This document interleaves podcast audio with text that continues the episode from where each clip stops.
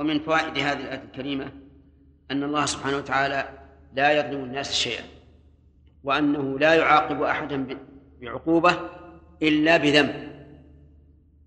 لقول ذلك بما عصوا. ومن فوائد الآية التي بعدها إحجام بني إسرائيل عن النهي عن المنكر.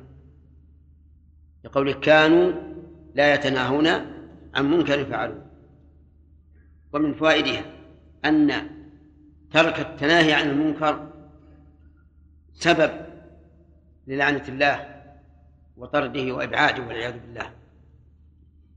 واعلم أن الأمر بالمعروف والنهي عن المنكر يحتاج إلى شروط. الشرط الأول العلم لأن هذا معروف يؤمر به وهذا منكر ينهى عنه.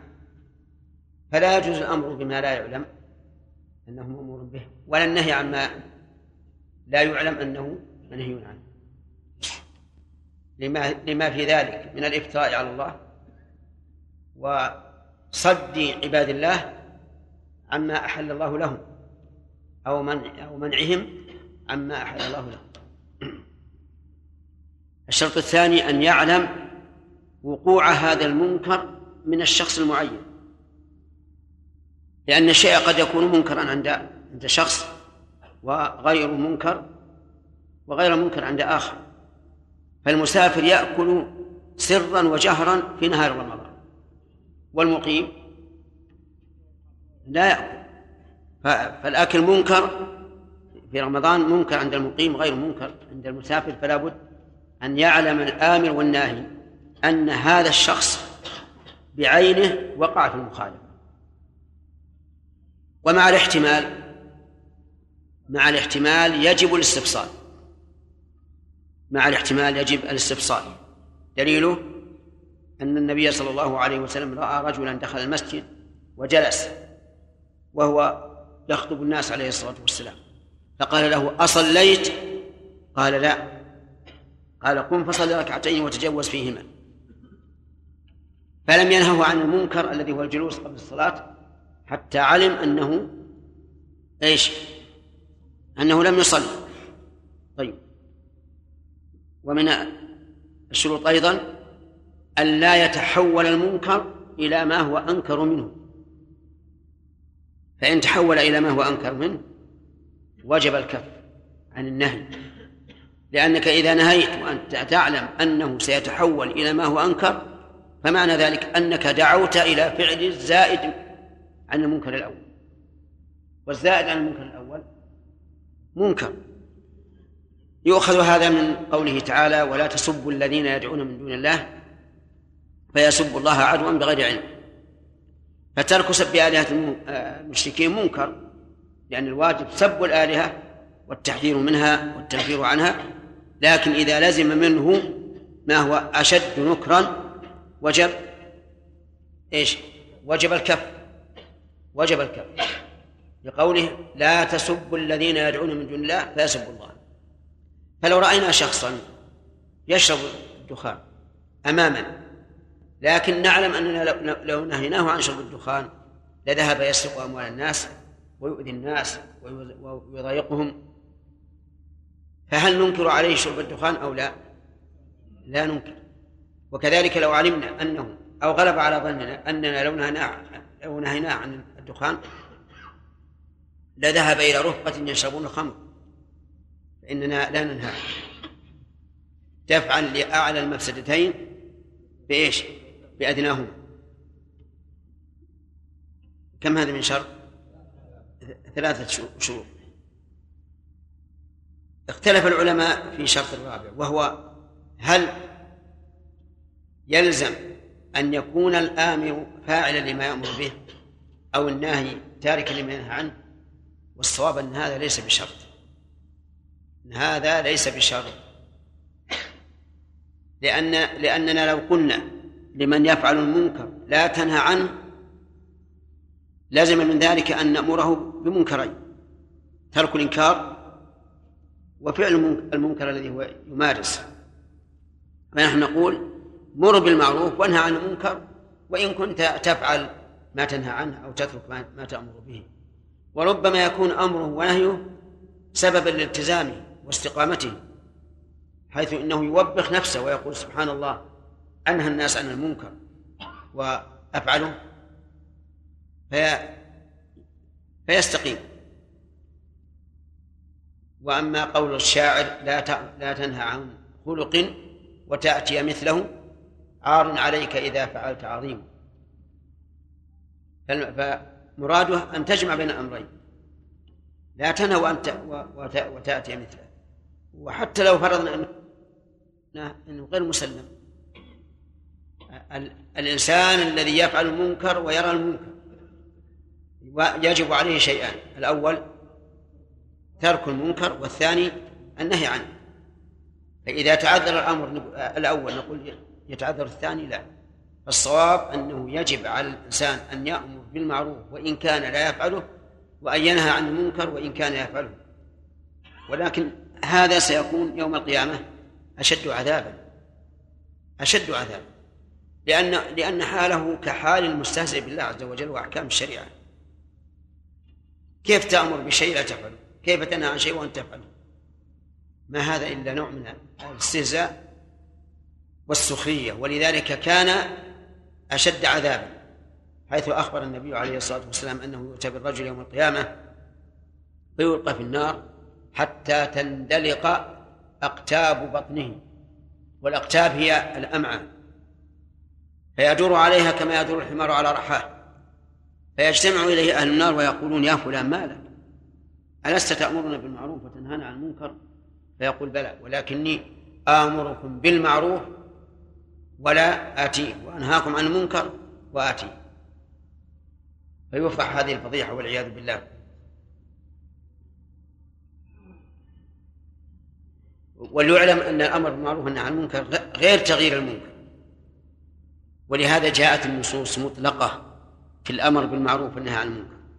وجاء التغيير مقيدا بالاستطاعة حيث قال النبي صلى الله عليه وعلى آله وسلم من رأى منكم منكرا فليغيره بيده فإن لم يستطع فبلسانه فإن لم يستطع فبقلبه.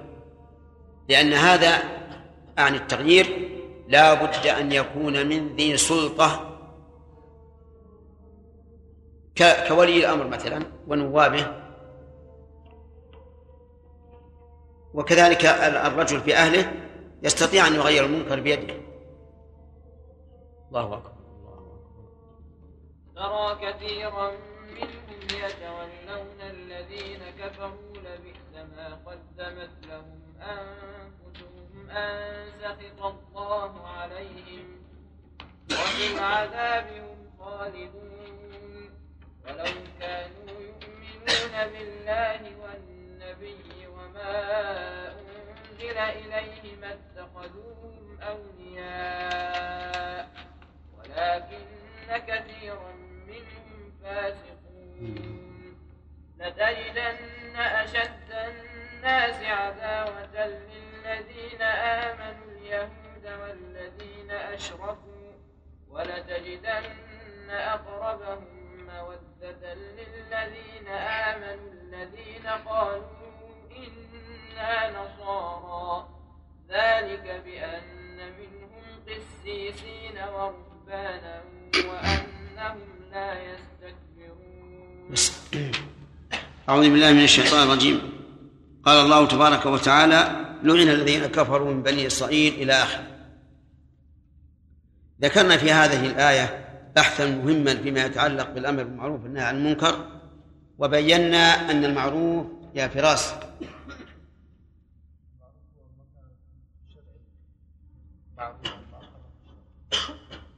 ما أمر به الشرع إما إيجابا أو أو استحبابا. كيف أو نهيا ما أمر به الشرع إما إيجابا أو استحبابا. طيب. المنكر يحيى يعني يعني أنكره الشارع يعني إيش؟ نهى عنه. إما تحريما أو كراهة. ولكن إذا كان كراهة فإنه لا يأثم من لم ينكره. وإذا كان استحبابا فإنه لا يأثم من لم يأمر به. اشترطنا لوجوب الأمر بالمعروف والنهي عن المنكر شروطا. الأول يا آدم. الأول منها نعم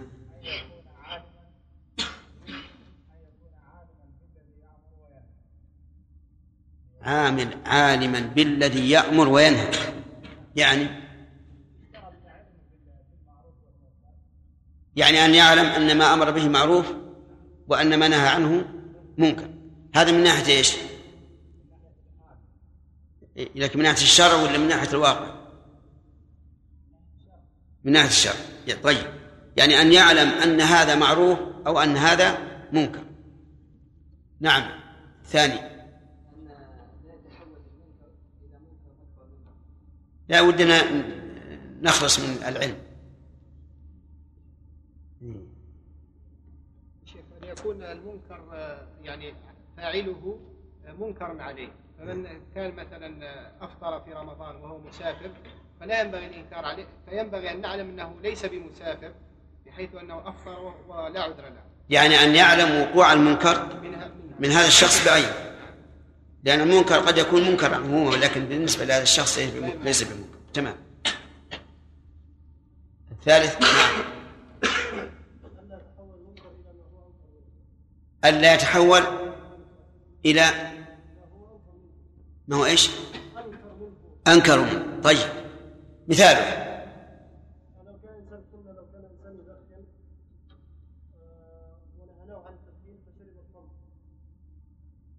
ونحن نعلم أنه إذا إذا ترك التدخين سوف يتحول إلى شرب الخمر. فهنا لا لا ننهى. طيب آه، هل لنا دليل على هذا؟ نعم. إي نعم. نعم ولا تسبوا الذين يدعون من دون الله الدليل قوله تعالى.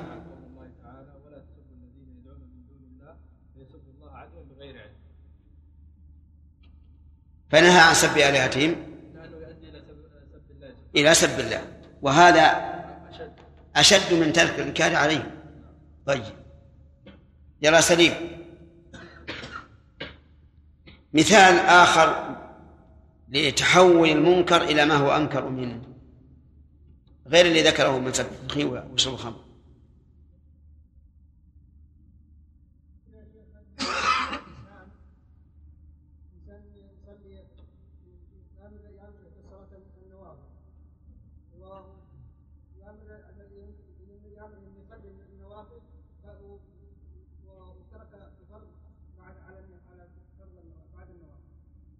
ما هي واضحة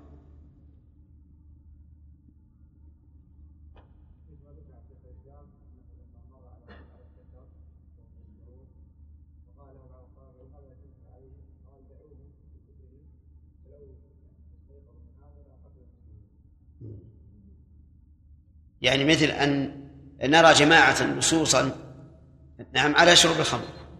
ولو أننا نهيناهم أو منعناهم منه لذهبوا يسرقون أموال الناس ويعتدون على أعراضهم فهنا نقول ندعهم على شربهم الخمر حتى لا يتحولوا إلى ما هو أنكر.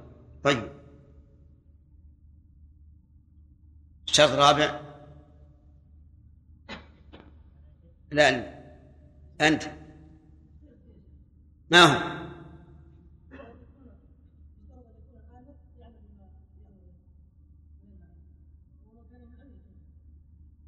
يعني هل يشترط أن يكون الآمر بالمعروف يفعل ما أمر به؟ أنه لا يشترط. طيب.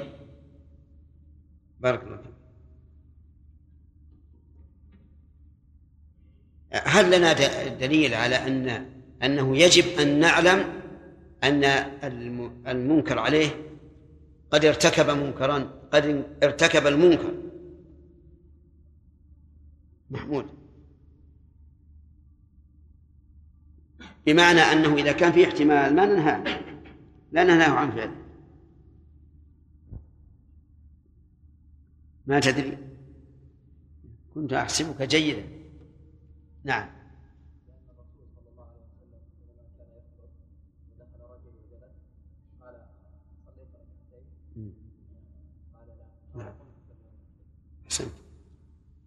طيب هذا هذا واضح جدا. هل يجب علي أن أنكر على شخص رأيته يمشي إلى جانب امرأة؟ نعم. يعني لا أنكر حتى أعلم أن المرأة أجنبية منه. وكيف الوصول إلى العلم؟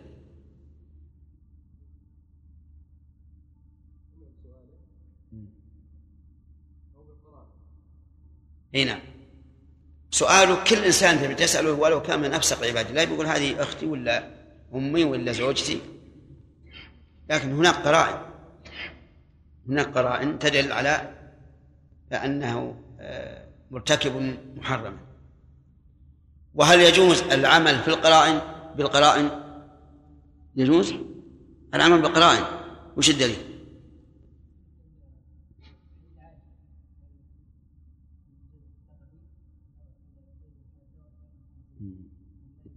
يعني أن الرسول عمل بالقيام. إيه، طيب. هنا ثلاث قصص. قصة ليوسف قصة لسليمان وقصة للنبي صلى الله عليه وسلم غير مسألة القيام. نعم.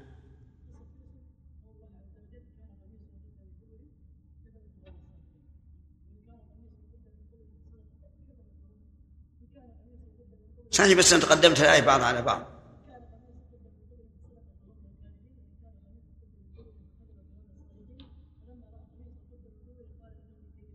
وش القرينة؟ ما ما هي القرينة؟ إذا كان من دبر فهي الكاذبة. إيش؟ جذبته إليه. تمام. وإذا كان من قبل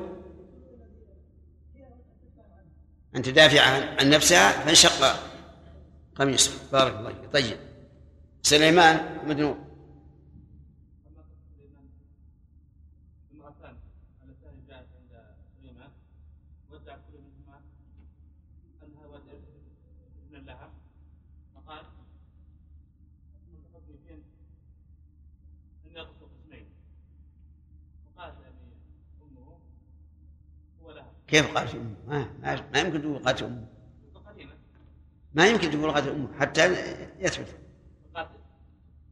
الصغرى ولا الكبرى؟ إحداهما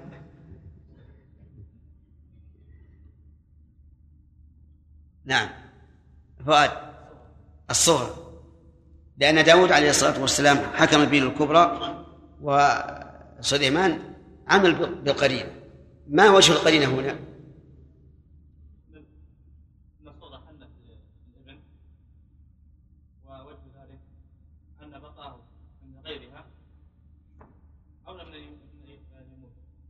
الله. أين أين أنت يا علي؟ أحسبك أشد ذكاء من هذا وأقوى حفظا. نعم يا سليم.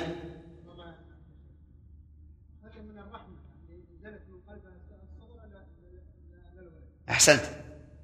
لأن الصورة رحمت كانت لا تشقه ولها وهذيك قد أكل ولدها.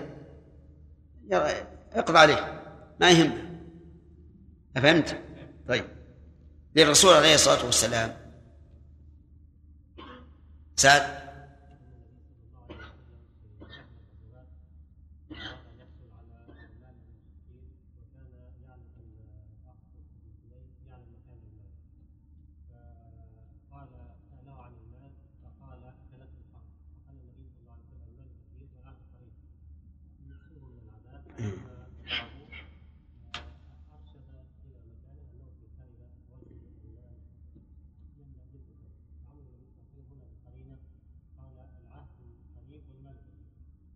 سمعتم كلامه؟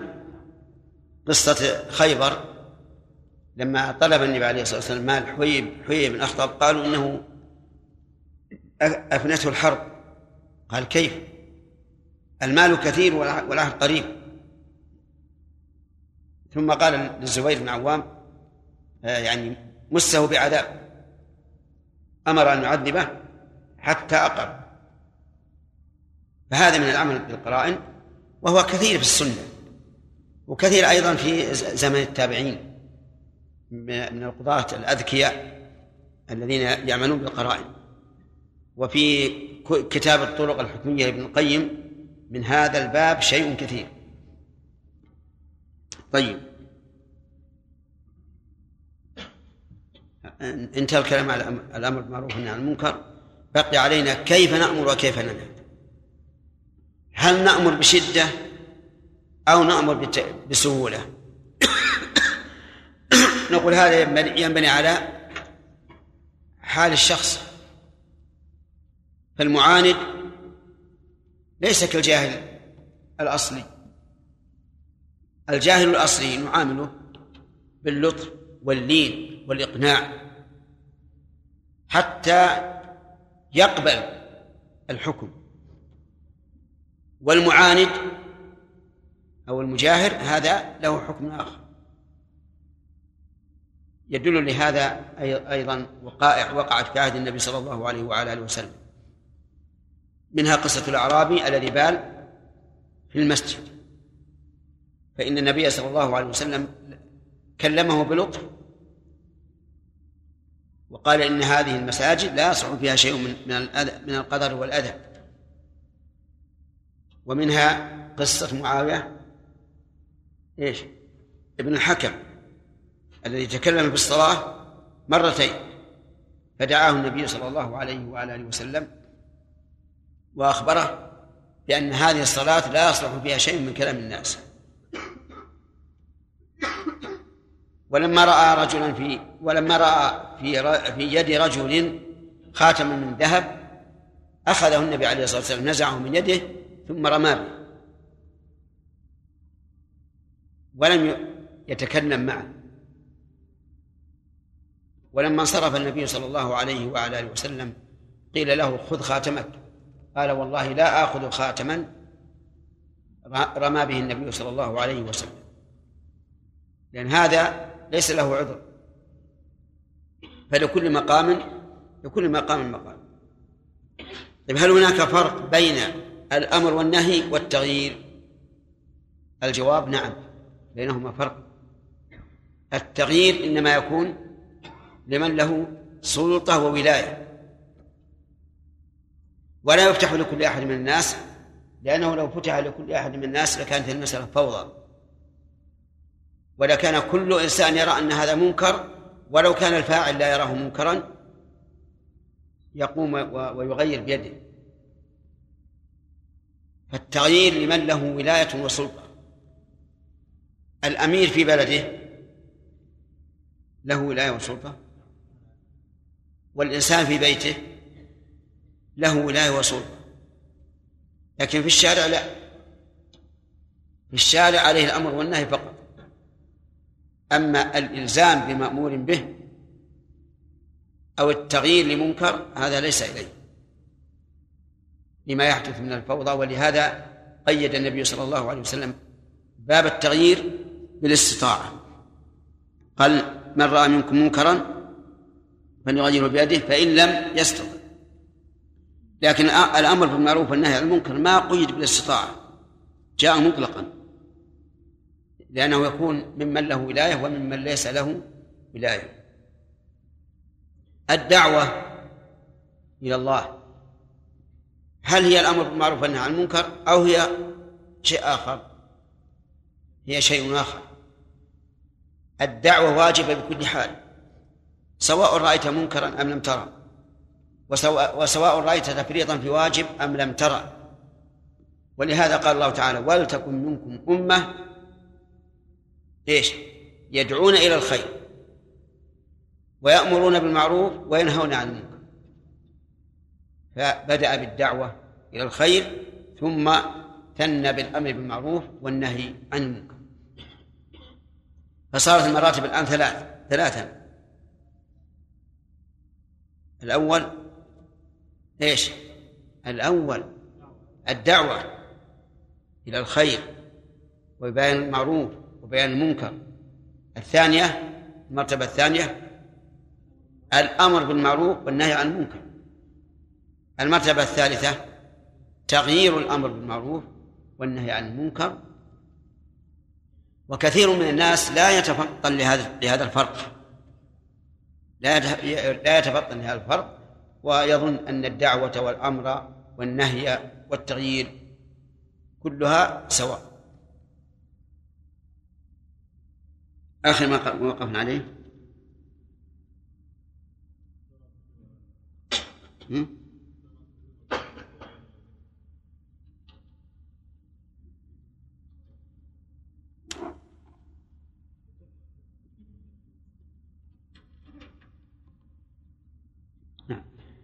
ترى كثيرا منهم يتولون الذين كفروا. ترى يحتمل أن تكون رؤية علمية. ويحتمل أن تكون رؤية بصرية. لأن تولي الكافرين يشاهد بالعين ويعلم بالقلب. ثم هل الخطاب للنبي صلى الله عليه وعلى آله وسلم ومن كان في زمنه أو لكل إنسان؟ الظاهر العموم. وهكذا ينبغي أن نسلك طريق العموم في جميع الخطابات القرآنية لأن القرآن نزل للأمة إلى قيام الساعة. إلا إذا منع منه مانع فيجب أن نقتصر على ما دل عليه. ترى كثيرا منهم أي من هؤلاء الذين لعنوا من بني إسرائيل يتولون الذين كفروا يعني يتخذونهم أولياء. يوالونهم بالنصرة والمعونة والمساعدة ومن هؤلاء اليهود حينما ساعدوا قريشا عام غزوة أتم الأحزاب. عام غزوة الأحزاب فإنهم تولوا الذين كفروا وساعدوا وعاونوا ترى كثيرا منهم يتولون الذين كفروا. وقيل إن المراد بالذين كفروا هم الذين كفروا بقلوبهم وآمنوا بألسنتهم. وهم المنافقون لأن المنافقين مع اليهود في المدينة على خط واحد. يتولونهم ويساعدونهم ويمكرون بالنبي عليه الصلاة والسلام كما يمكر المنافقون. ولو قيل إن الآية عامة لكان أولى. بناء على القاعدة التي تقررت أنه إذا كانت الآية أو الحديث يدل على معنيين على السواء ولا ينافي أحدهما الآخر فالواجب حمله على المعنيين توسيعا للمعاني الشرعية وتبرئة للذمة لأننا لو اقتصرنا على أحد المعنيين والله ورسوله أراد المعنيين لكان في ذلك لتعلق ذلك بذممنا نعم. يتولون الذين كفروا. طيب كفروا الآن. هل المراد كفروا ظاهرا وباطنا أو كفروا باطنا وآمنوا ظاهرا؟ أو الأمران؟ الأمران جميعا. طيب. لبئس ما قدمت لهم أنفسهم أن سخط الله عليهم. يعني لبئس الذي قدمت لهم أنفسهم سخط الله عليهم. يعني أن سخط الله عليهم بئس ما قدموه لأنفسهم. وإنما قدموا سخط الله لأنفسهم لأنهم فعلوا ما يوجب سخطه فكأنهم قدموا لأنفسهم سخط الله عليهم. أن سخط الله عليهم والسخط والغضب معناهما متقارب وهما وصفان ثابتان لله عز وجل على وجه الحقيقة وهما غير الانتقام وغير إرادة الانتقام بل هما شيء سابق للإرادة الانتقام وسابق للانتقام. بالنسبة لنا السخط حال تعتري الإنسان عند وجود ما يثيره من قول أو فعل. وتجد الإنسان ينفعل وتختل يختل تفكيره حتى إنه يفعل ما ما لا تحمد عقباه.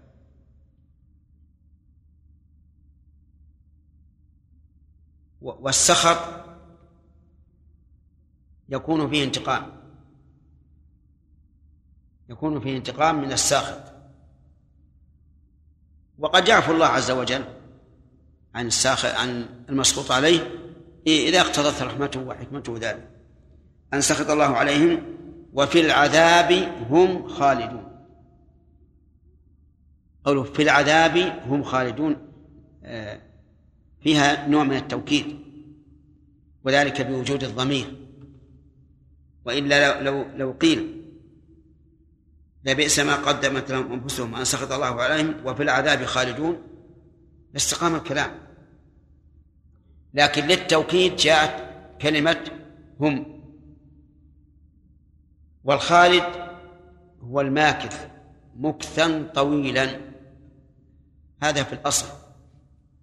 وقد يراد به المكث الدائم حسب الأدلة والسياق. في هذا الحديث في هذه الآية فوائد. منها أن بني بني إسرائيل قد يتولون الكفار ممن كفرهم صريح أو خفي فهم يوالون الكفار والمنافقين والعياذ بالله على من؟ على رسول الله صلى الله عليه وسلم. وإن كان بعضهم مع بعض قد لا يكون بعضهم إلى إلى الآخر حبيبا ومستحقا للولاية لكن لأنهم ضد ثالث. لأنهم ضد ثالث. ومن فوائد هذا هذه الآية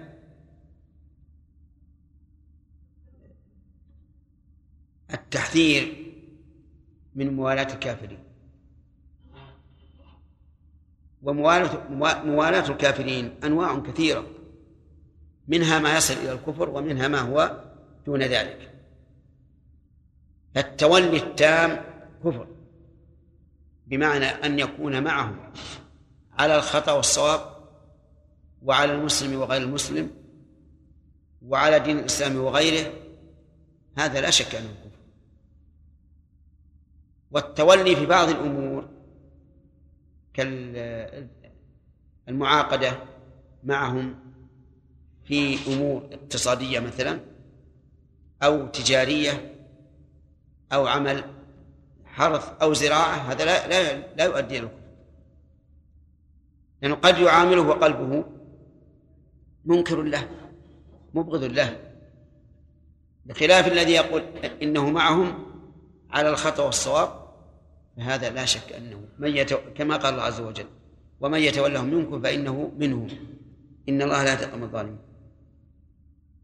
ومن فوائد هذه الآية الكريمة الرد على الجبرية. من أين تؤخذ؟ قدمت لهم أنفسهم ويتولون أيضا. يتولون. ومنها الاستدلال بالأمور الحسية. يعني أن إقامة الدليل الحسي مما جاء في القرآن الكريم لقوله ترى كثيرا منهم يتولون الذين كفروا فإن هذا كما قدمنا في التفسير يحتمل الرؤية العلمية والرؤية البصرية. ومن فوائد الآية الكريمة إثبات سخط الله عز وجل. لقوله أن سخط الله عليهم. ومذهب أهل السنة والجماعة المتلقى من طريق السلف الصالح الصحابة والتابعين إثبات هذه الصفة لله عز وجل. وأنه يسخر ويغضب ويحب ويكره ويبغض ويمقت إلى غير ذلك مما أثبته الله نفسه فمذهب السلف الصالح أننا نثبت هذا لله حقيقة. ولكن في علمنا ويقيننا أن ذلك لا يماثل صفات المخلوقين. لأن الله يقول ليس كمثله شيء. ولو أننا حرفنا وقلنا السخط والانتقام لافترينا على الله كذبا لأنه يقال لمن فعل ذلك أين دليلك على أن الله أراد هذا؟ ونحن يا فراس متعبدون بإيش؟ بظاهر اللفظ. والقرآن عربي مناسب باللغة العربية. لو صرفناه على عن ظاهره لكنا افترينا على الله كذبا بأي حجة؟ وما موقف الإنسان من ربه يوم القيامة إذا اعتقد هذا الاعتقاد أعني اعتقاد أن السخط هو إرادة الانتقام أو الانتقام ما موقف الإنسان. فالصواب في هذه هذا المتعين الواجب على المؤمن الذي يريد إنقاذ نفسه أن يجري آيات الصفات وأحاديثها. إيش؟ على ظاهره. فإذا قال قائل إن ظاهرة التمثيل قلنا كذبت. ما يمكن يكون ظاهرة التمثيل. لأن التمثيل معنى باطل. ولا يمكن أن يكون ظاهر كلام الله ورسوله شيئا باطلا بأي حال من الأحوال. فإذا قال هذا الظاهر وأصر على ذلك. قلنا من أين من أين الدليل لك من أن هذا هو الظاهر؟ إذا قال إن العقل يمنع أن يقوم السخط بالله والغضب بالله والكراهة بالله قلنا عقل من؟ والعقل لا مجال له في الأمور الغيبية إطلاقا. وإنما فرض العقل في الأمور السلبية هو التسليم والتصديق. لأننا أقل من أن ندرك ما أخفاه الله عليه. وإذا كان الله عز وجل ينكر على من يسألون عن الروح ويقول الروح من أمر ربي وما أوتيت من العلم إلا قليلا فما كان أعظم من الروح فهو أولى بالخفاء علينا. ولهذا ضرب شيخ الإسلام رحمه الله في العقيدة التدمرية ضرب مثلا بالروح. قال روح الإنسان مجهولة ولا معلومة؟ مجهولة.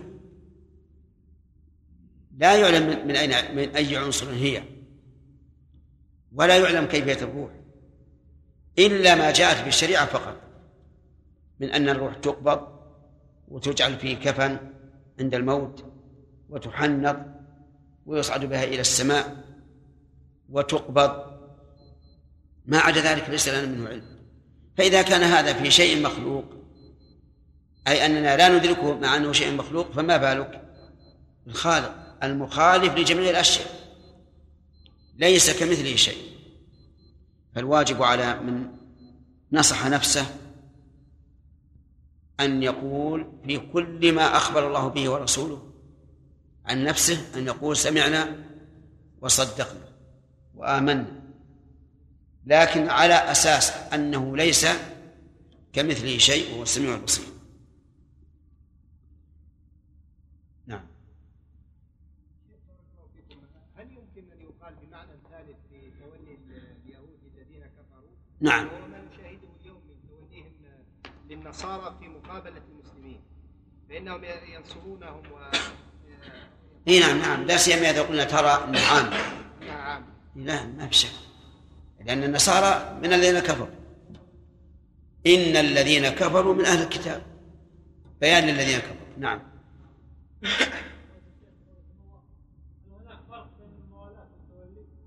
والتولي؟ لا فرق بينهم. تولاه والاه لا- لا فرق. نعم.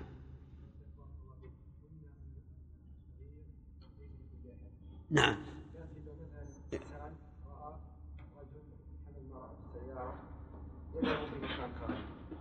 وهو يعلم أنه لو منعها وهو ليس له لا على المرأة ولا على الرجل. وهو يعلم أنه لو منعها لا لا تحدث ذلك الفتنه؟ لا لا تحدث فتنه ولا شيء. فهل له أن يمنعها والله ما أدري أتوقف في هذا. إذا كان لا يحدث فتنة وهو قادر على المنع فأنا أتوقف فيه. لأن لو فرض أن هالمسألة وقعت أن رجلا يمكنه أن يوقف السيارة ويقول فلان نزل المرأة. من هذا؟ هذه وإن وإن حصلت لواحد من الناس قد لا تحصل لآخرين. ثم إن حصلت لواحد من من الناس الذين نريد أن نغير عليهم قد لا تحصل لآخرين. فنتوقف من أجل أن نخشى أن العواقب تكون وخيمة من من أناس آخرين. نعم.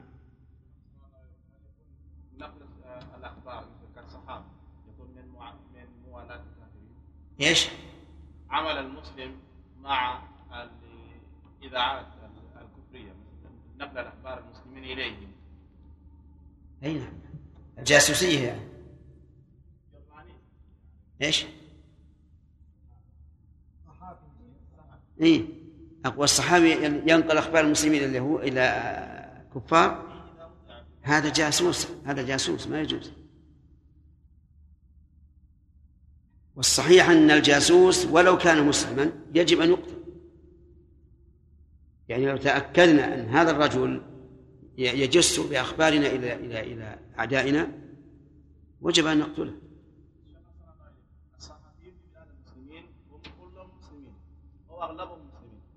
مسلمين مع اذاعات اجنبيه فلا بد ان إلى هذه الامكنه ما يحتاجون اليه من الاخبار ويكون هذه أخبار المسلمين لكن هل تضر المسلمين وتنفع الكفار؟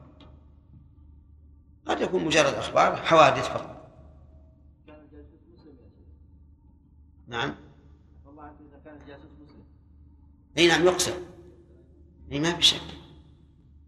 لأن حاطب رضي الله عنه من أبي بلتعة أو ابن بلتعة إنما منع قتله أنه من أهل بدر. فهذا يدل على أن غير أهل بدر يقتلون. ولا شك أنه يقتل. هذا من أعظم الفساد في الأرض. نعم. نعم. إيه؟ أي نعم. مساعدة الكفار والقتال ضد المسلمين.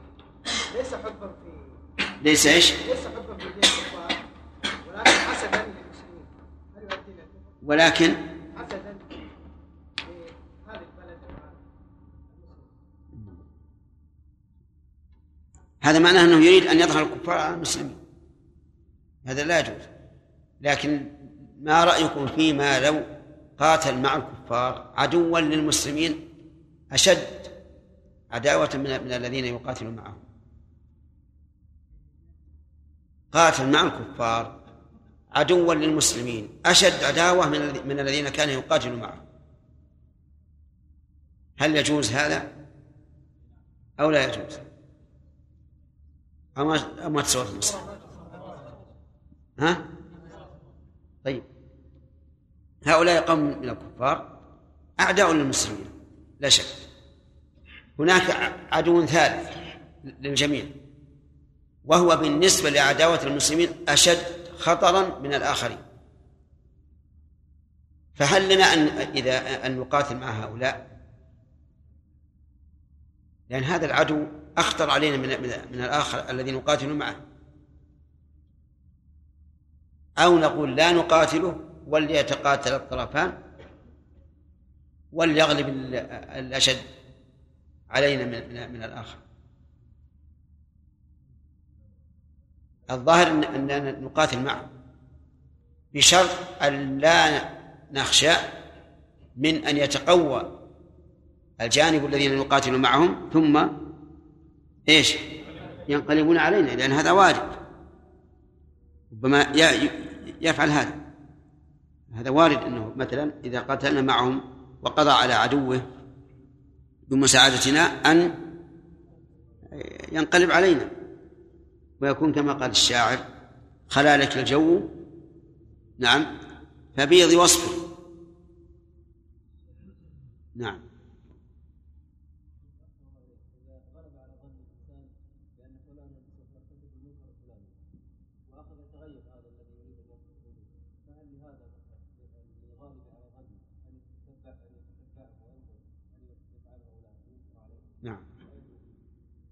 يعني هل لنا أن نبحث ونتجسس عن المنكر؟ بقاعدة عامة إذا وجدت قرائن فلا بأس. وإن لم يوجد قرائن فالأصل البراءة.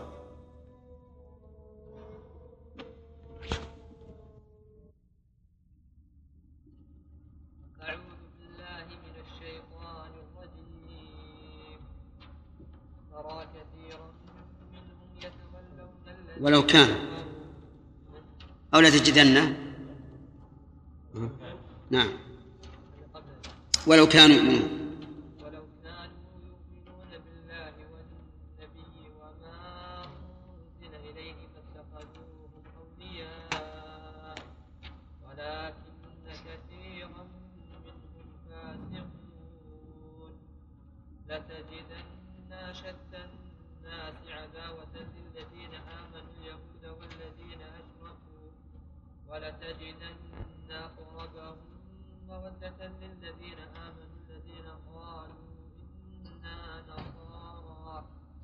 ذلك بأن منهم قسيسين ورهبانا وأنهم لا يستكبرون.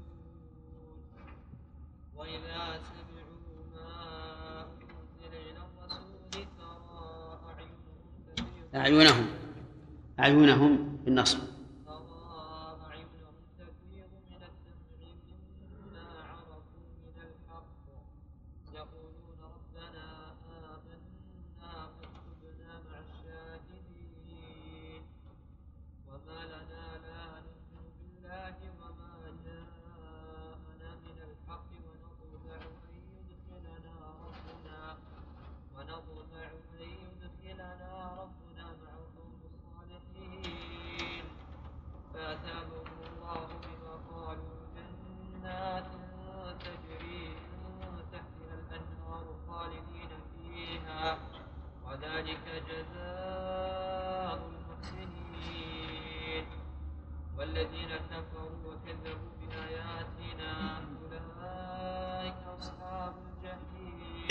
كفاية أعوذ بالله من الشيطان الرجيم. قال الله تبارك وتعالى ترى ترى كثيرا منهم يتولون الذين كفروا. لبئس ما قدمت لهم أنفسهم أن سخط الله عليهم. قوله ترى كثيرا منهم. الخطاب لمن؟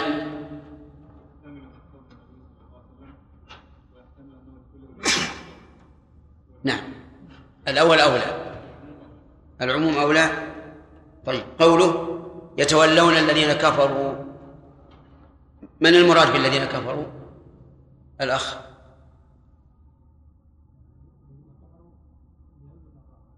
لا. نعم فهد. قيل وقيل الذين امنوا باللسان يعني المنافقين.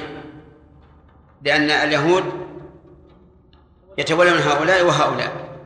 طيب لو قال لك قال لع- لعلنا نجعلها عامة من باب استعمال الاسم المشترك في معنيين. ماذا تقول؟ هو أولى. في الآية إثبات صفة من صفات الله عارض فيها الأشاعرة وأشباههم. يلا سمير. صفة السخط أين هي في الآية؟ من سخط الله عليه طيب وماذا تقول في السخط؟ هل تثبت أن الله يسخط ويغضب ويكره ويحب؟ أسألك أنت مو أهل السنة والجماعة هل تثبت هذا؟ طيب لو قال قائل المراد بذلك لازمه وهو الانتقام ما تقول يا محمد؟ صحيح غير صحيح نعم آه، ما هو. ل- لماذا؟ لأن الاصل في خطاب في الفاظ الكتاب والسنة ان تاخذ على ظاهرها. تمام. إذا لا يصح لأنه خلاف الظاهر. هذا واحد. الثاني ان أن الانتقام غير السخط. الانتقام غير السخط. نعم. بل هو نتيجة نتيجته واتر طيب. ما دليلك على هذا الذي قلت؟ قول الله تعالى فلما منهم فلما آسفونا انتقمنا منهم. آسفونا يعني أغضبونا. طيب هذا اثنين ثالثا.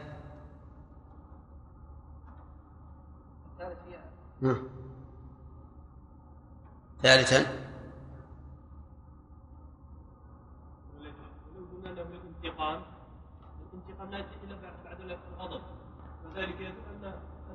هذا تكرار لجواب محمد بالمعنى. صالح بس ترك السخط الانتقام لأن الانسان يتصل بالسخط خطأ. نعم. ما دليلكم على مباشرة كثيرة مؤولة.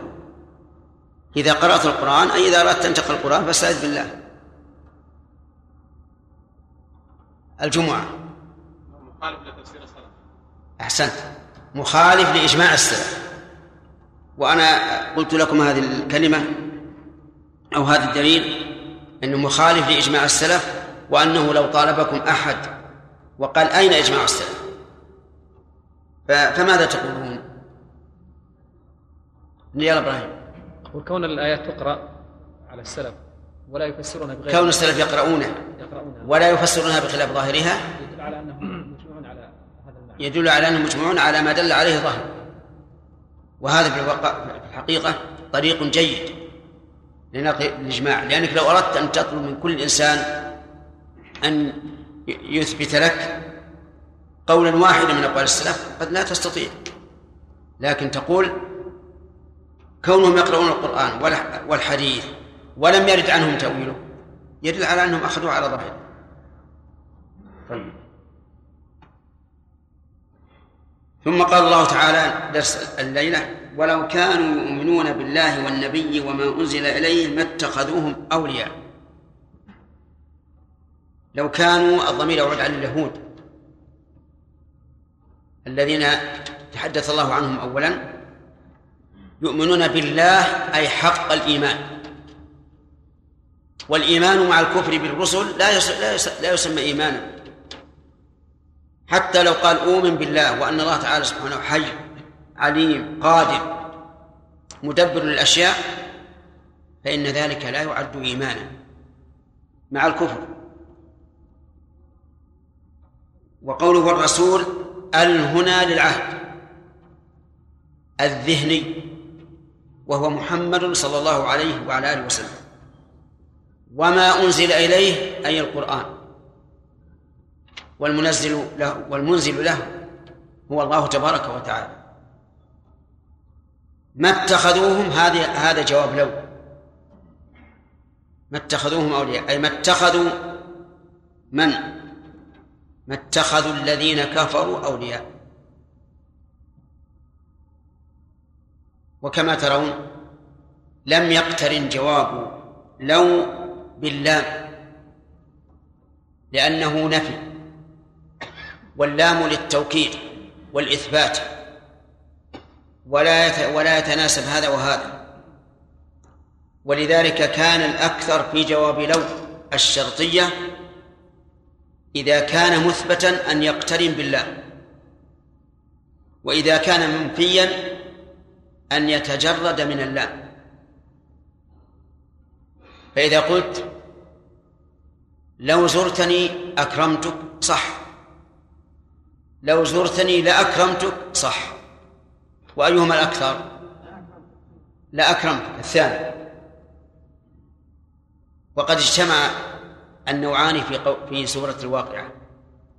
فقال الله تبارك وتعالى في الزرع لو نشاء لجعلناه حطاما لجعلناه. وقال في الماء لو نشاء جعلناه أجاجا فحذف اللام. أما إذا كانت إذا كان جواب لو منفيا بماء فإن الأكثر تجرده من اللام. وقالوا لو شاء الرحمن ما عبدناه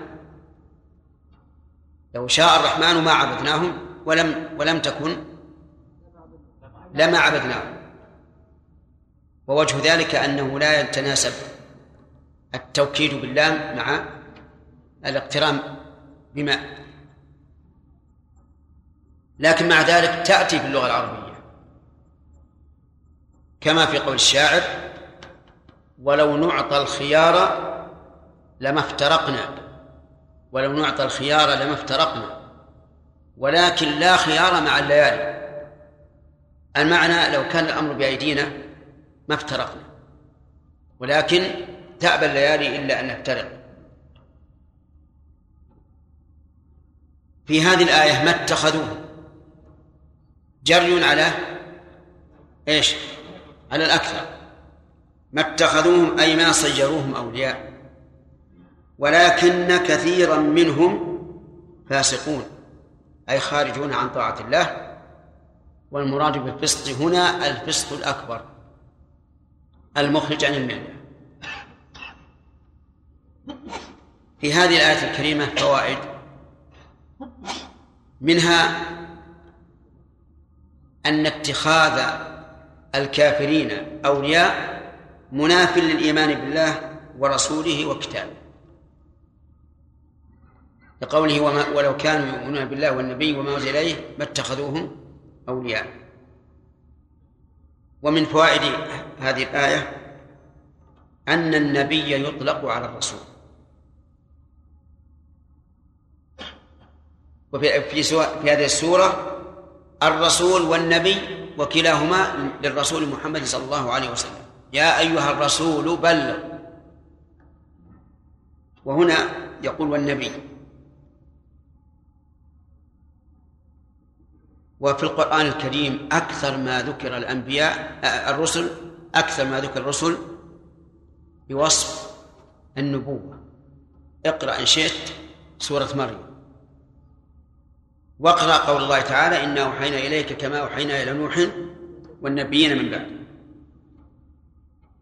ومن فوائد هذه الآية أن القرآن منزل على محمد صلى الله عليه وعلى آله وسلم. لقوله وما أنزل إليه. وإنزاله ابن جمعة. معنا أين ذهبت؟ ها؟ قريبا. ذهبت قريبا. أي. هذا الإنسان معتنى به أكمل عناية. لقول الله تعالى وإنه لتنزيل رب العالمين.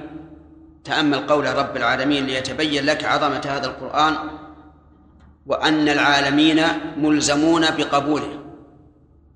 لأنه نازل من من ربه.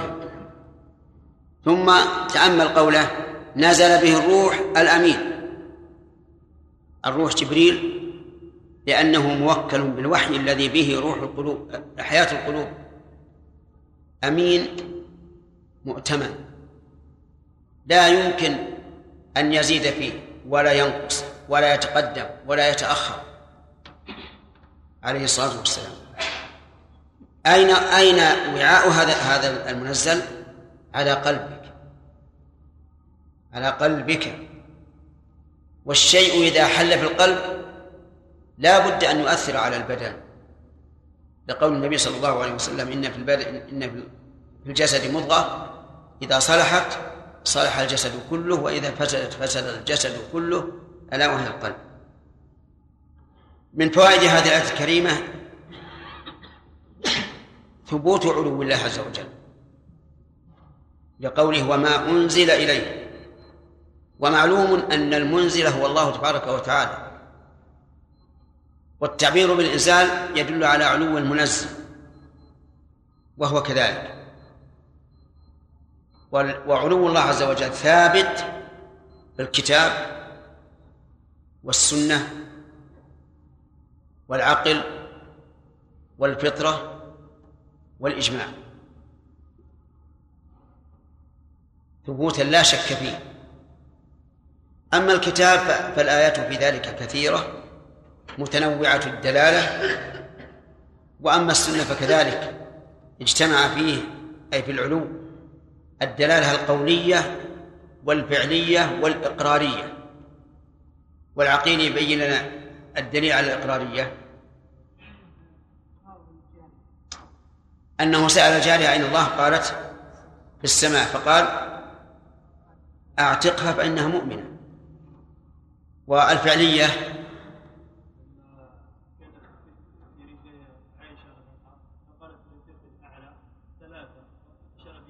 إيش إيش؟ نعم. نعم لكن ليس هذا ليس بصريح إذ قد يريد بالرفيق الأعلى الذين أنعم الله عليهم. نعم. آه. صحيح. أن النبي صلى الله عليه وسلم كان يشهد الله على إقرار الأمة بأنه بلغ فيرفع إصبعه إلى السماء ويقول اللهم اشهد. أما القول فلا يحصى. وأما دلالة العقل على علو الله فكل إنسان عاقل يعرف أن العلو صفة كمال. أليس كذلك؟ العلو صفة كمال سواء كان معنويا أو حسيا. والله تبارك وتعالى يقول ولله المثل الأعلى.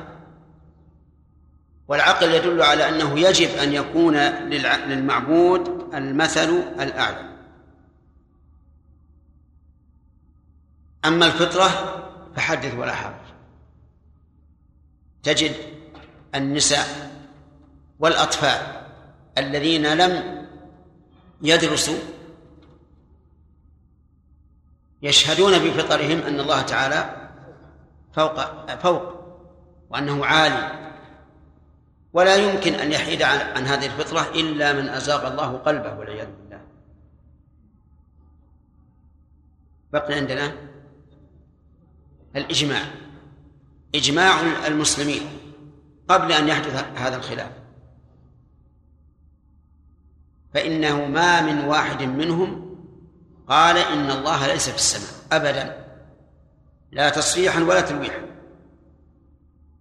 وكما قال شيخ الإسلام هذا كتاب الله من أوله إلى آخره وهذه سنة رسول الله صلى الله عليه وسلم وهذه الآثار عن الصحابة ليس فيها حرف واحد يدل على أن الله في كل مكان. أبدا.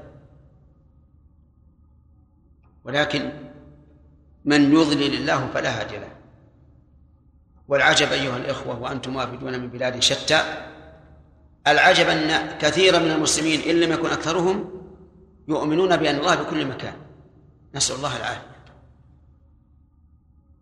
ولا أدري كيف يستسيغ الإنسان أن يقول إن الله في كل مكان وهو يعرف أنه سوف يدخل المرحاض وبيت الخلاء.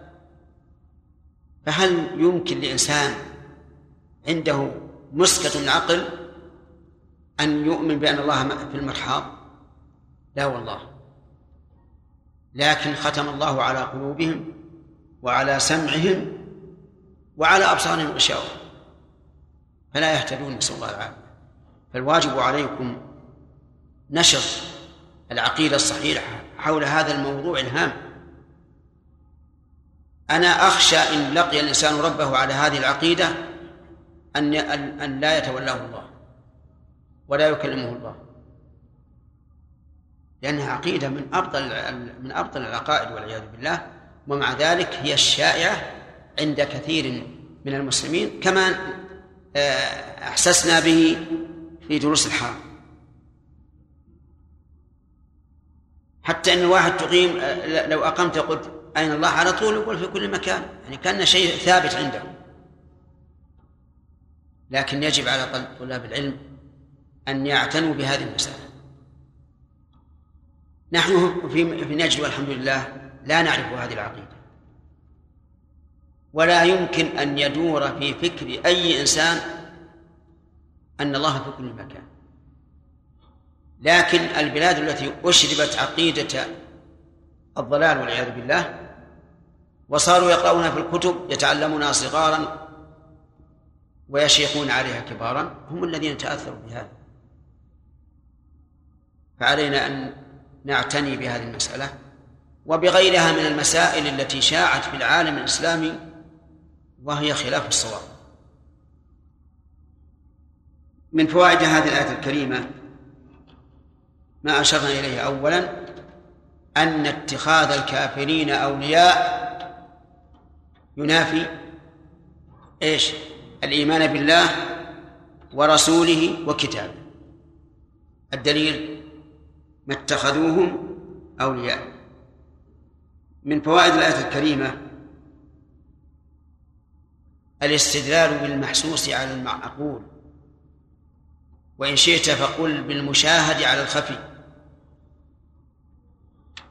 وجه ذلك أن الإيمان بالقلب الإيمان بالقلب. ولا أحد يعلم عن الإيمان في القلب لكن الآثار تدل عليه. ما هو الأثر هنا الذي دلنا على أنهم لم يؤمنوا؟ تولي الكفار. اتخاذهم أولياء. ومن فوائد هذه الآية الكريمة أن الفسق يطلق على الكفر. لقوله ولكن كثيرا منهم فاسقون. وهو كذلك. يعني قصدي ولذلك شاهد.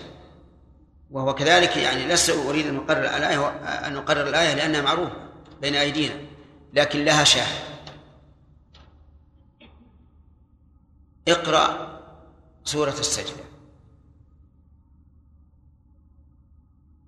ماذا قال الله؟ قال الله تعالى وأما الذين فسقوا فمأواهم النار. في مقابل الذين آمنوا وإذا جاء الفسق في مقابل الإيمان والوعيد في مقابل الوعد فالمراد به الكفر. ومن فوائد هذه الآية الكريمة وجوب الاحتراز عند الكلام بمعنى أن لا تعمم. فتقول مثلا كل أهل هذه البلدة كلهم فسقة كلهم فجار كلهم كذا لا تعمم لأنك لا تدري ولهذا اسمع إلى عالم الخفيات جل وعلا يقول ولكن إيش؟ كثيرا منهم فاسقون. فإياك والتعميم. فتقع في الخطر أو في الكذب. هذا آخر هذا آخر الجزء.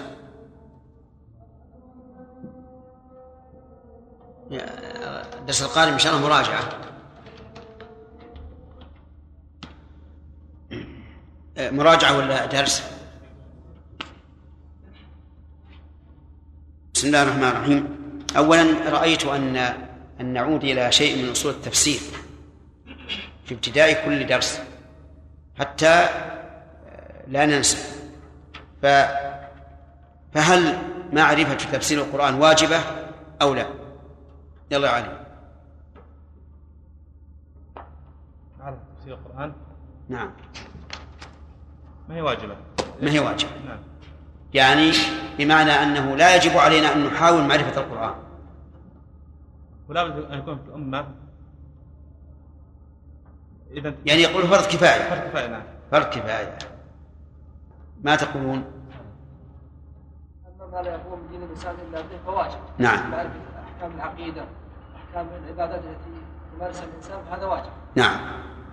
وأما ما زاد على ذلك كفاية. نعم تمام. تفصيل. ما لا يقوم دين المرء إلا به فهو واجب. أقيموا الصلاة يجب أن نعرف ما معنى إقامة الصلاة. آتوا الزكاة كذلك. وما زاد على ذلك فهو فرض كفاية. وإن حصل الإنسان يتأمل القرآن كلما قرأه ويحاول أن يعرف المعنى بنفسه ثم يرجع بعد ذلك إلى أقوال المفسرين فهذا طيب. وبهذا يكون عنده ملكة في معرفة تفسير القرآن. لأن كل إنسان يريد أن يفهم معنى آية على طول يذهب إلى كتب التفسير. لا ينتفع كثيرا. يحاول أولا أن يعرف المعنى ثم يعرض ما فهمه على كتب المفسرين. فإن طابق فهذا من نعمة الله وإن خالف فليرجع عن عن تصوره أو عن فهمه. لأن وجدنا هذا أقوى في معرفة التفسير وأمكن في قلب الإنسان. هذه قاعدة. القاعدة الثانية إلى من نرجع في التفسير. نعم. يرجع إلى إلى كتاب الله. يعني أن نفسر القرآن بالقرآن. لأن المتكلم به سبحانه وتعالى أعلم بمعناه. فإذا جاء تفسير القرآن بالقرآن فلا فلا تعدوه والقرآن أحيانا يفسر الله عز وجل المعنى بما بالأحكام التي تكون وأحيانا يفسر بالمعنى المطابق. فقوله تعالى وما أدراك ما يوم الدين ثم ما أدراك ما يوم الدين لو أردنا أن نفسرها بالمعنى لقلنا يوم الدين اليوم الذي تجازى فيه النفوس بما كسبت. لأن الدين معناه الجزاء. لكن الله تعالى بين ما يكون في ذلك اليوم. فقال يوم لا تملك نفس لنفس شيئا والأمر يومئذ لله. وقال تعالى فأمه هاوية وما أدراك ما هي؟ قال نار حامية. ففسر الهاوية بالنار الحامية فعلى كل حال نرجع إلى إيش؟ إلى إلى تفسير القرآن بالقرآن. ووجه ذلك أن الذي أنزله سبحانه وتعالى أعلم بمعناه. بعد ذلك نرجع إلى كلام إلى التفسير بالسنة. التفسير بالسنة أنواع لا تحصى. أنواع لا تحصى. تارة يكون بلفظ الرسول عليه الصلاة والسلام وتارة يكون بفعله لا وأنواع كثيرة. مثلا للذين أحسنوا الحسنى وزيادة. الحسنى هي الجنة والزيادة هي النظر إلى وجه الله. هكذا فسره النبي صلى الله عليه وعلى آله وسلم. إذن ليس لنا أن نقول هل هناك معنى آخر؟ لا ما لا نقول هذا. لماذا؟ لأن النبي صلى الله عليه وسلم فسرها بذلك وهو أعلم الناس بمعاني كلام ربه تبارك وتعالى. وكذلك قال الله قال قال النبي صلى الله عليه وسلم في تفسير قوله تعالى وأعدوا لهم ما استطعتم من قوة. قال ألا إن القوة الرمي. يعني هو أعلى أنواع القوة ولا في قوة أخرى غير الرمي؟ لكن أعلى أنواع القوة وصدق الرسول عليه الصلاة والسلام. الآن أشد ما يكون هو الرمي. ليس الرمي بالقوس وما أشبه ذلك. الرمي يشمل كل رمي يحدث إلى يوم القيامة. الآن القنابل الهيدروجينية والنووية والأشياء هذه كلها داخلة في في الرمي.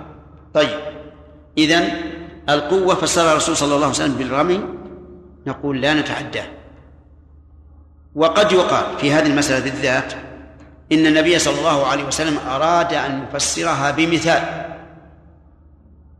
بمثال. وأن القوة تكون بالرمي وتكون بالكر والفر والخداع وما أشبه ذلك. لكن يشكل على هذا الاحتمال أن الرسول صلى الله عليه وسلم قالها على وجه الحصر قال ألا إن القوة الرمي؟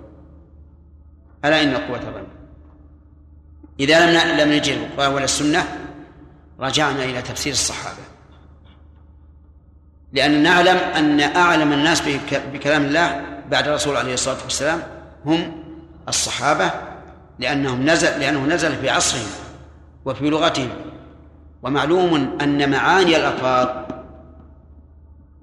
تختلف باختلاف الأحوال. قد تخاطب بلفظ واحد أمة وتخاطب أمة أخرى ويكون المراد بالخطاب الأول غير المراد غير المراد بالخطاب الثاني. ولا شك أن القرآن إذا كان نزل حيا طريا في عهدهم وعصرهم وأحوالهم والملابسات التي آه، توجب فهم النص على ما أراد الله لا شك أن هذا يرجح أن يكون المرجع من؟ أقوال الصحابة. لكن الصحابة قد يفسرون الشيء بالمثال. قد يفسرون الشيء بالمثال. فإذا كان اللفظ يحتمل معنى غير ما قالوا فليكن مفسرا بالمعنى الذي قالوا وبالمعنى الآخر. أي نعم. هاتان قاعدتان مهمتان. ونرجو الله تعالى أن يفتح علينا في كل جلسة للتفسير بأخذ قاعدة من قواعد التفسير حتى أن الإنسان ينشط بعض الشيء. نعم.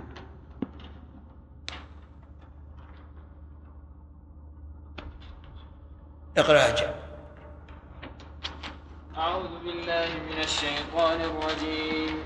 لتجدن أشد الناس عداوة للذين آمنوا اليهود والذين أشركوا ولتجدن أقربهم مودة للذين آمنوا الذين قالوا إنا نصارى. ذلك بأن منهم قسيسين ورهبانا وأنهم لا يستكبرون. وإذا سمعوا ما أنزل إلى الرسول ترى أعينهم تفيض من الدمع مما عرفوا من الحق. يقولون ربنا آمنا فاكتبنا مع الشاهدين.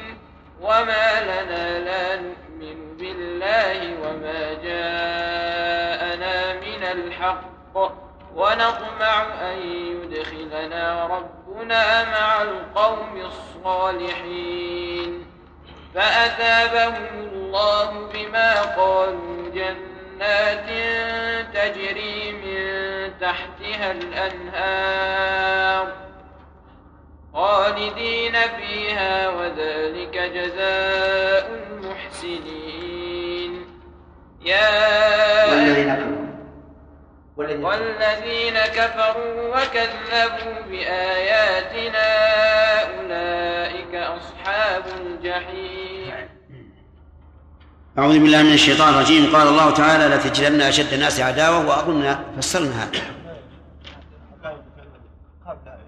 بعد قبله؟ ولو كانوا؟ ها؟ فسرناه حتى هذه أنا ظننت ظننت أن فسرناه طيب. على كل حال قال الله تعالى لتجدن أشد الناس عداوة للذين آمنوا اليهود والذين أشركوا. قوله لتجدن هذه الجملة مؤكدة بمؤكدات ثلاثة. القسم المقدر الذي دلت عليه اللام في قوله لتجدن ولهذا يسمي النحاة هذه اللام موطئة للقسم. وباللام وبالنون لتجدن. والخطاب فيها إما للرسول صلى الله عليه وعلى آله وسلم وعلى هذا فيكون الحديث عن اليهود والنصارى والمشركين في هذه الآية الذين كانوا في عهد من؟ الرسول صلى الله عليه وعلى آله وسلم. وإما أن أن يكون الخطاب لكل من يتوجه إليه الخطاب فتكون فتكون هذه الأوصاف عامة في هؤلاء إلى يوم القيامة.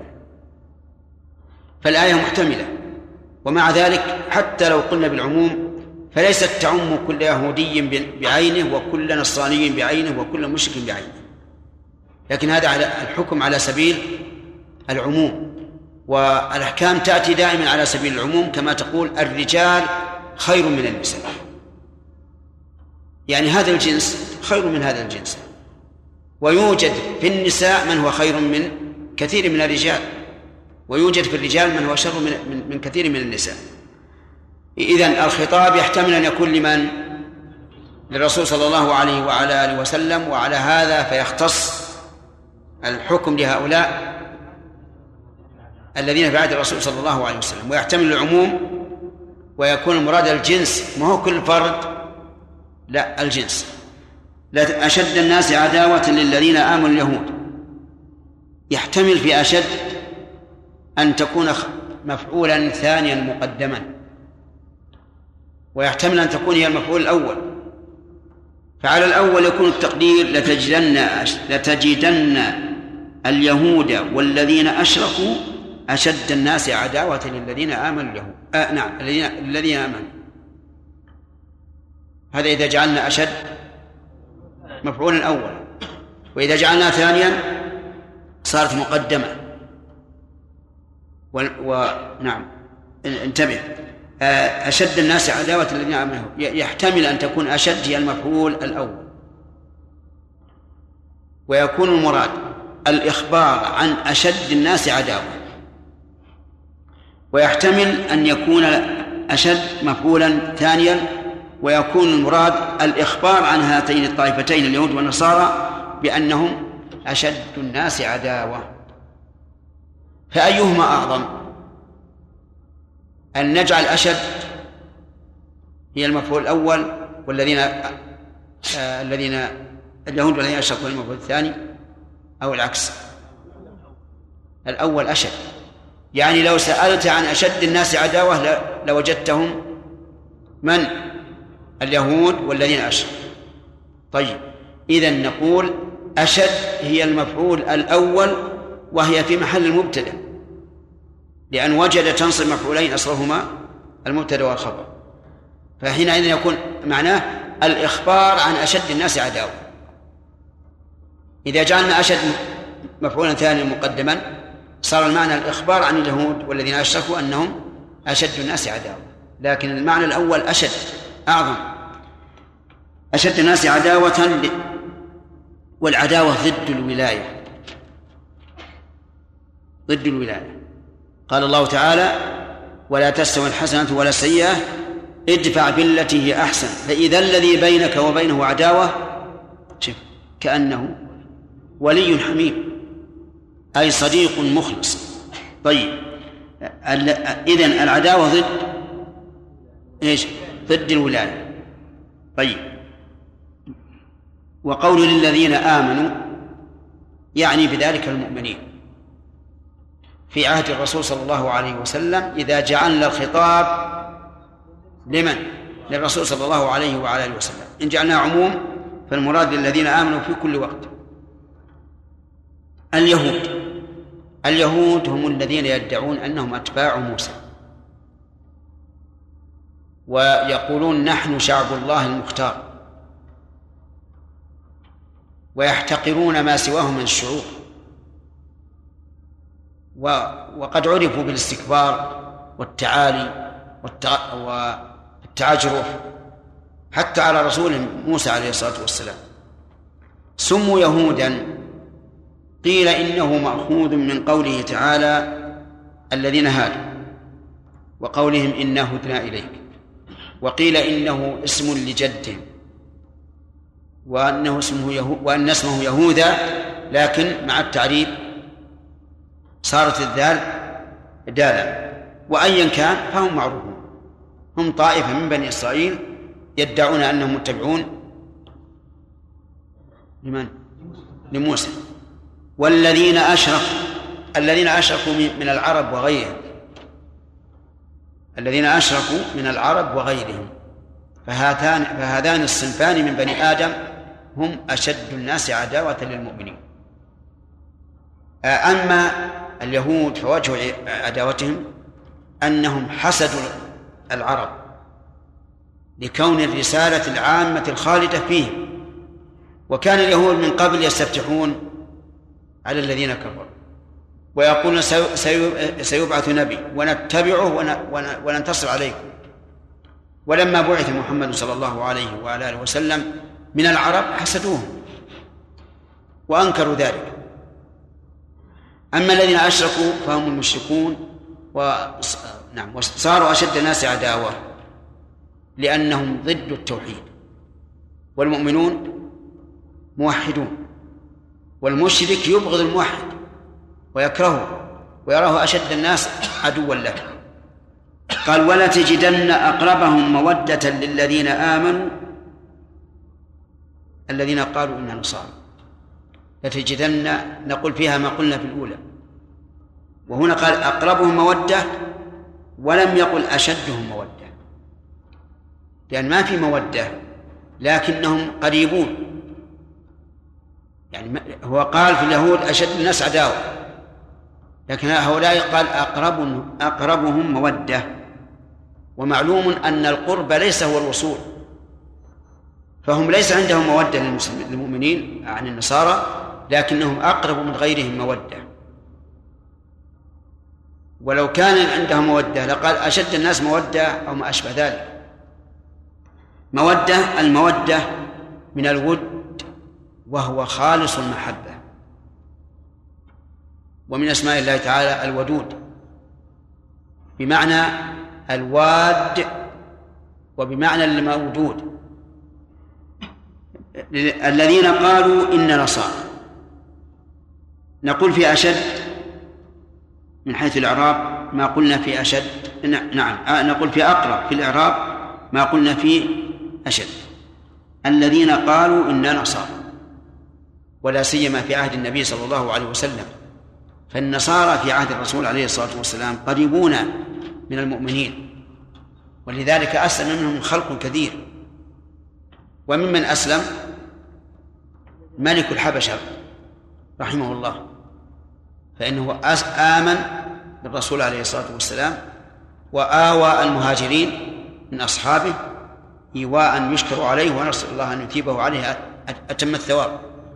فهو آه، آمن. حتى وصفه النبي عليه الصلاة والسلام بأنه أخ للصحابة وأنه صالح. حين توفي قال إنه توفي اليوم أخ لكم صالح. فوصفه بالصلاح والأخوة رحمه الله. و وكذلك أسلم من النصارى كثير. لأن النصارى أقرب عهدا بالرسالة من من اليهود. فإنه ليس بين نبيهم عيسى عليه الصلاة والسلام ونبينا محمد صلى الله عليه وسلم رسول. الذين قالوا إن نصارى أي النصارى أي الأنصار. هذا أحسن ما يقال في تفسيره لأنه يؤيده قوله في سورة الصف. نعم. من أنصاري إلى الله قال الحواريون نحن أنصار الله. ثم علل الله تعالى ذلك بعلل. فقال ذلك المشار إليه كون النصارى أقرب الناس مودة للذين آمنوا بأن منهم قسيسين ورهبان وأنهم لا يستكبرون. وإذا سمعوا ما أنزل الرسول ترى عينا تفيض من الدم معروف من الحق. يقولون ربنا آمنا فاكتبنا مع الشاهدين. وما لنا لا نؤمن بالله هذه خمسة أشياء. ذلك أي إيش؟ أي سبب كونهم أقرب الناس مودة الذين آمنوا. بأن منهم قسيسين ورهبان. القسيس هو العالم الكبير. والعالم عنده معرفة. يعرف الحق ويعلم به. لا سيما أن التوراة والإنجيل فيهما وصف الرسول صلى الله عليه وسلم وصفا مطابقا تماما. قال الله تعالى الذين يتبعون الرسول النبي الأمي الذي يجدونه مكتوبا عندهم في التوراة والإنجيل يعرفونه كما يعرفون أبناءهم يأمرهم بالمعروف وينهى وينهاهم عن المنكر ويحل لهم الطيبات ويحرم عليهم الخبائث ويضع عنهم إصرهم والأغلال التي كانت عليهم كل هذه الصفات موجودة في التوراة والإنجيل فهم عندهم علم يعني القسيسين الثاني الرهبان ومنهم رهبان الرهبان هم العباد. لأن النصارى فرضوا على أنفسهم رهبانية لم تفرض عليهم. قال الله تعالى وجعلنا في قلوب الذين اتبعوه رأفة ورحمة ورهبانية ابتدعوها. ما كتبناها عليهم يعني ما فرضناها عليهم لكن هم يبتغون رضوان الله يريدون بذلك رضوان الله وهي غير مكتوبة عليهم. نظيرهم عندنا في الملة الإسلامية الصوفية. عندهم رهبانية ابتدعوها ما فرضها الله عليهم لكن هم يبتغون بذلك رضوان الله ولو رجعوا إلى أنفسهم لعلموا أن أن رضوان الله إنما يكون في الاتباع لا في الابتداع. نعم يقول آه، ورهبانا الوصف السبب الثاني وأنهم لا يستكبرون. ليس عندهم استكبار. المشركون عندهم استكبار؟ نعم. عندهم استكبار. اسمع.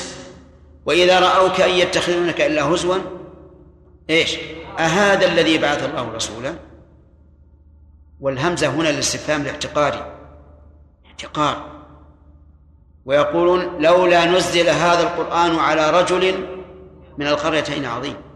وهم يعلمون والله أن أعظم من في القريتين ومن في الأرض كلها هو محمد صلى الله عليه وسلم. لكن العناد والاستكبار. ولما جمعهم ودعاهم إلى الله قالوا تبا لك ألهذا جمعتنا اليهود حدث ولا حرج في الاستكبار. حتى قالوا لنبيهم اذهب أنت وربك فقاتلا إنا ها هنا قاعدون استكبار. واضح. اذهب أنت وربك فقاتلا.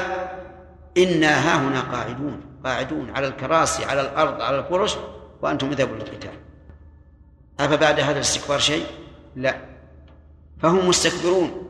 إذا كان هذا قولهم لنبيهم فما بالك بنبي بنبي بعث من العرب. وأنه لا يستكبرون الثالث وإذا سمعوا ما أنزل إلى الرسول ترى أعينهم تفيض من الدمع حزن. نعم ترى أعينهم تفيض من الدم مما عرفوا من الحق. هذا نقل نقل المؤرخون والمفسرون أيضا أن الذين هاجروا إلى الحبشة لما قرأوا القرآن على النجاشي ومن حوله جعلوا يبكون. يبكون تفيض أعينهم من الدم. يعني تمتلئ من قول انفاض الإناء إذا امتلأ وخرج الماء من من حافتيه. أعينهم قامت ترقرق بالدمع وتفيض مما عرفوا من الحق. وقالوا هذا الذي نزل على عيسى هذا الذي نزل على عيسى. فعرفوا أن هذا هو الحق. كما قال ورقة بن نوفل قال الرسول عليه الصلاة والسلام حين أخبره بما نزل عليه من الحق قال هذا هو الناموس الذي نزل على موسى. فهم عرفوا الحق وبكوا. وفي نعم ليأتي بالفوائد مما عرفوا من الحق يقولون أيضا هذا سبب ثالث. نعم. بأنهم قسيسين ورهبان وأنهم لا يستكبرون. وإذا سمعوا ما أنزل الرسول ترى تفيض من تفيض من الدم مما عرفوا من الحق. الرابع أنه ليس عندهم استكبار. يسلمون للحق من حين أن عرفوه. يقولون ربنا آمنا فاكتبنا مع الشاهدين. إقرار.